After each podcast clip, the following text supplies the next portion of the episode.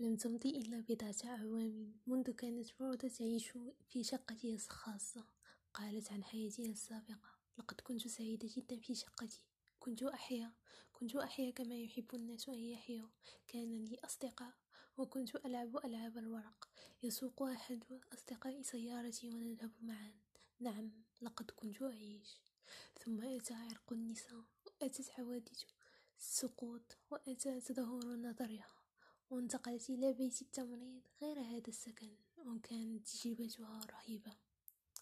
لقد خسرت تقريبا كل شيء تملكه. خسرت أثاثها خسرت ما تحتفظ به للذكرى ووجدت نفسها في غرفة مشتركة يحكمها نظام شبه عسكري والصليب فوق سريرها. ولكوني يهودية فإن هذا لم يكن لطيفا.